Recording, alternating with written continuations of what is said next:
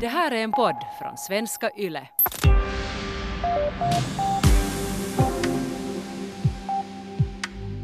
Storbritanniens premiärminister Boris Johnson har inte haft en bra start på det nya året.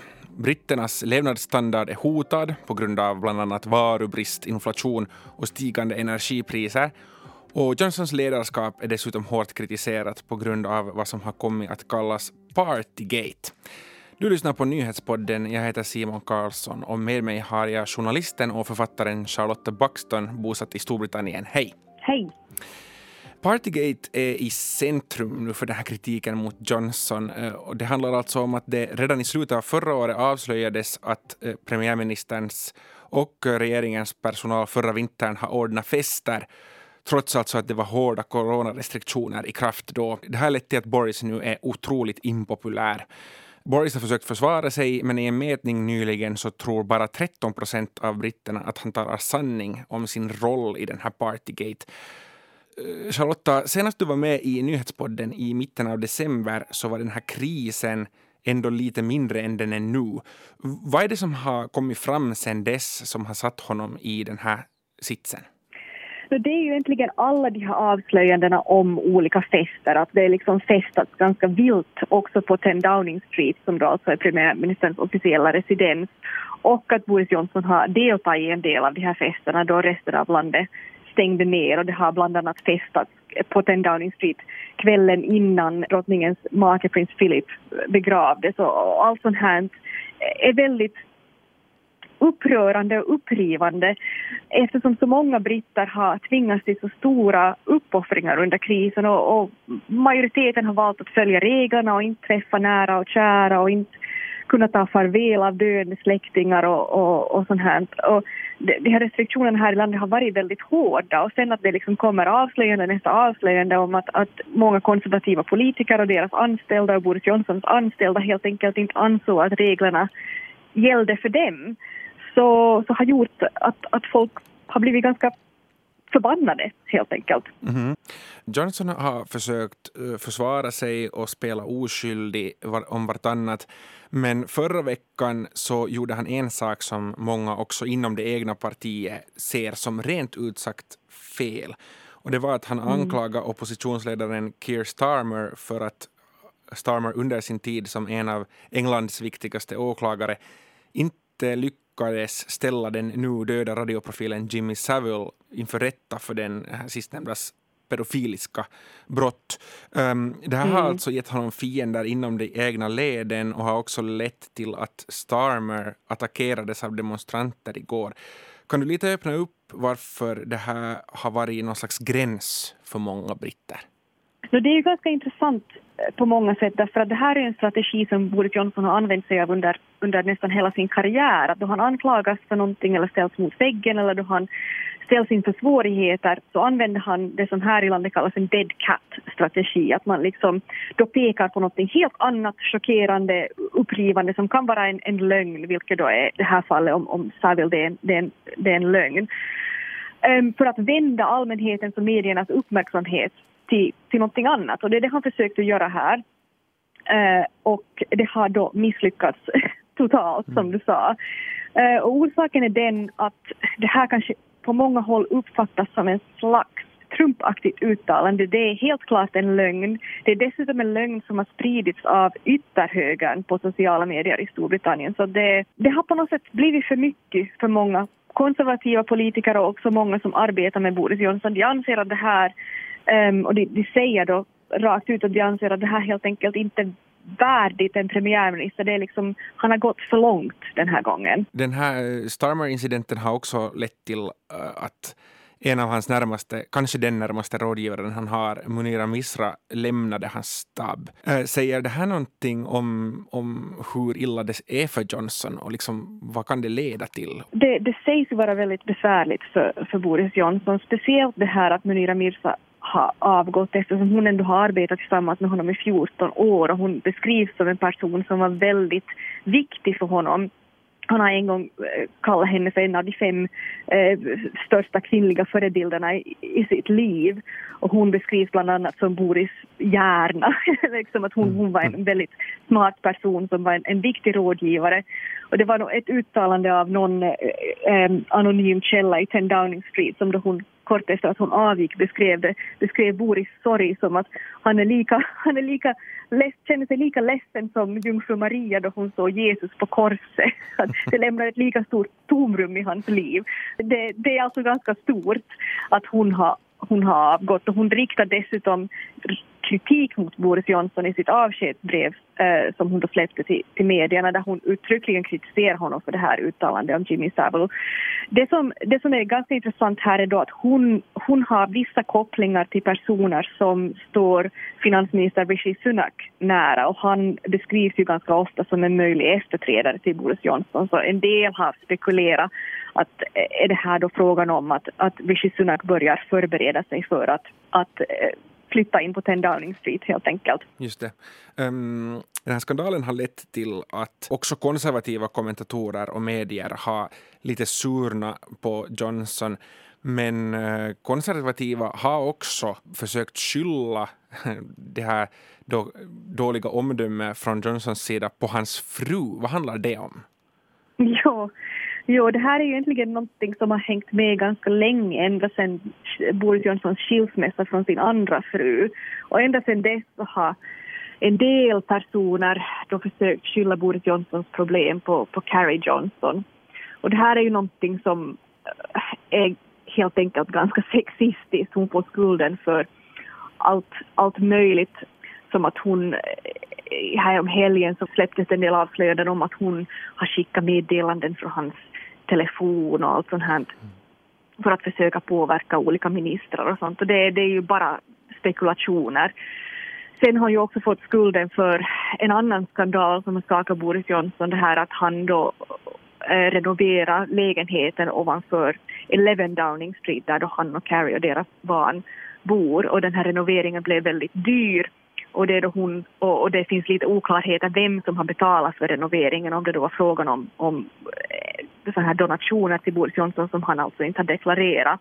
Och det är då Carrie som ofta har fått skulden för att, för att hon, hon, då ville, hon ville ha en sån här eh, dyr renovering av, av deras, deras bostad. Men sen, sen, mycket av kritiken är liksom väldigt sexistisk. En, en kolumn här nyligen så handlar om att hon, hon har krävt att Boris Johnson ska byta blöjor på parets eh, barn som då alltså, de har en nyfödd dotter och en son som är, vad är han nu, lite på ett år.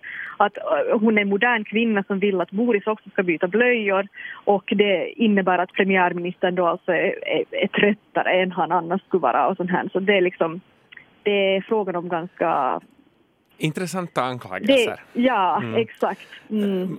Är det alltså då på något sätt konservativa pressens försök att gardera sig ifall Johnson får fortsätta eller helt enkelt försöka rädda honom på något sätt? Eller är det bara enskilda kolumnister som det här handlar om i första hand?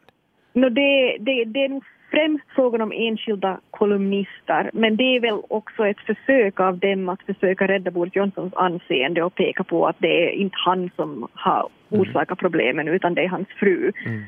Det är mm. lite liksom så här Anne Boleyn-stuk, som, som Henrik den åttonde och Anne Boleyn, att det är frun som får, får skulden för, för alla problem. Senast nu så är det läge att lyfta fram att eh, Storbritanniens kris just nu inte bara handlar om Partygate. Landet lever också med en energikris, eller en energipriskris eh, mm. och en inflationskris. Och liknande eh, lever vi ju också med här på kontinenten. Um, och sen också uh, på grund av Brexit så, så pratas det uh, stundvis om eh, en, någon slags varubrist. Utbud på, utbudet på varor är inte lika stort nu som det kanske har varit tidigare. Så, så hur ser det ut för den här vanliga britten, den vanliga väljaren? Uh, är, är de mera upprörda över hur regeringen överhuvudtaget sköter landet eller är det ändå på något sätt så att den här partygaten har en drivande roll i, i de dalande opinionssiffrorna? Ja, no, det där är en jättebra bra, viktig fråga och viktig poäng. Alltså det är ju det att det britterna tänker på nu är just det att vardagen blir tuffare och svårare. uh, den vanliga britten så oroar sig över att det är dyrare att värma upp huset och att matpriserna stiger. Och, och, och jag tror att folk känner sig ganska så här oroliga inför framtiden. Och det finns den här känslan då av att regeringen inte gör tillräckligt och att det är de ytan utbildade konservativa politikerna som då bryter mot alla regler och mm. festar och, och Boris Johnson då inreder sin lägenhet med gyllene tapeter och betalar massor med pengar för en, en renovering och sånt här. Så att jag tror att, att de vanliga britterna faktiskt känner en ganska stor ilska mot, mot politikerna just mm. nu. Kan det här då leda till problem, inte bara för, för, för Boris utan också för det konservativa partiet Tories i allmänhet. Det huvudsakliga oppositionspartiet, arbetarpartiet Labour, så leder nu stort i opinionsmätningarna trots att det för ett par år sedan såg ut som att loppet var kört ganska, mm. för ganska många år framöver. Och britterna ska nu gå i maj är det väl till lokala val och ja. i höstas så förlorade man ett eh, ifyllnadsval till parlamentet och tappade ett säte som man hade haft i nästan 200 år. Mm. Är det konservativa partiet också nu då i kris? Jo, jag, det, jag skulle nog säga att, att, att det är frågan om en kris för de konservativa. Och de har ju också haft makten länge, alltså sen, när var det David Cameron blev premiärminister? Sen 2010. Så det är ett parti som har haft makten väldigt länge. Eh, britterna har ju ett tvåpartisystem och det brukar svänga från ett parti till det andra. Labour har ju haft enorma utmaningar på sistone, både i och med att Skottland då har börjat rösta på SNP, det här skotska nationalpartiet, istället för på Labour. Och sen i och med att vi hade den här väldigt impopulära Labourledaren Jeremy Corbyn. Nu har partiet då börjat närma sig centern igen och det är ofta så de lyckas vinna val. Om man tänker tillbaka på Tony Blair som då var en väldigt sån här centerpolitiker som moderniserade Labour och kallade det New Labour alltså och sånt här och gav partiet sina storsegrar. Så att jag tror att delvis så börjar britterna vara trötta på de konservativa. Partiet skakas av alla de här skandalerna som, som på sätt och vis liknar skandaler som har sänkt de konservativa tidigare. Det handlar om snobbism och elitism och att de tror att de står över vanliga vanliga dödliga mm. britter och också mycket om korruption och sånt som kallas slis här. Olika så här, korruptions och sexskandaler i praktiken. Och sen um, så, och, och, det här syns ju då alltså i mätningarna. Labour, Labour leder faktiskt över de konservativa rejält. Det, det, ska bli intressant att se hur det går i lokalvalen i maj. Jag tror att, att många konservativa parlamentariker så, så väntar på att se hur det går då. För att om det då visar sig att Labour vinner stort så, så är det möjligt att om, om de då redan tidigare har valt att göra sig av med Boris Johnson så kommer de antagligen att göra det då eftersom de har siktet inställt på nästa parlamentsval 2024. Ska det här ses som en möjlig orsak till varför ändå så här försöken att avsätta Johnson eller tvinga honom att avgå, att det liksom är för att partiet ännu väntar på att se om han kan rädda sig själv på något sätt? Ja, jag tror att det är så. så det, är ju, det går ju till på det sättet att de konservativa parlamentarikerna måste lämna in ett brev till det här utskottet som då sen kan utlysa en misstroendeomröstning. Och, och det finns lite olika uppgifter om hur många av de här breven som har lämnats in. Det krävs 54 brev för att en sån här misstroendeomröstning ska hållas. Och en del, vad är det, är det elva stycken som nu har gått ut offentligt och sagt att de har lämnat in. Men en del så här eh, Westminster-kännare så anser att det kan röra sig om allt mellan 30 till 50 brev i praktiken. Så att han, han sitter redan väldigt osäkert. Men det får bara hållas en misstroendeomröstning per år. Eh, så att om han då sen vinner den så sitter han säkert i, i ett år. Så därför, därför är det möjligt att många då väljer ändå att, att vänta till maj mm. för att vi ger honom en, en, en chans, se hur det går i maj och sen, sen, sen drar det igång. Ja. Eh, Boris fortsätter till stor del att leda det här landet som om han inte skulle ha en kris. Nyligen så kommenterade han det här ommöbleringen i sin stab med att citera Rafiki från Lejonkungen och säga att förändring är bra. um, så han tar det piano. Så till sist skulle jag vilja ta den lilla lätta frågan och be dig uh, spekulera att hur ser det nu ut för Boris? Finns det en chans att han överlever den här krisen? Det finns en chans. Han är ju en politiker som har överlevt massor med kriser hittills i sin karriär.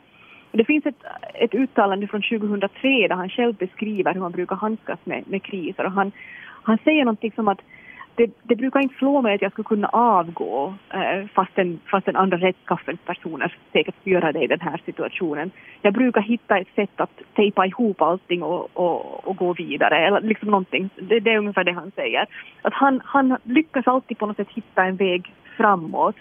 Och det är helt möjligt. Det är helt möjligt att han ändå han faktiskt kan göra det den här gången också. Men, men det hänger på det hänger på hur de brittiska väljarna ser honom, att, att han, blir, han, han börjar um, stiga i mätningarna igen och att de konservativa går framåt i mätningarna.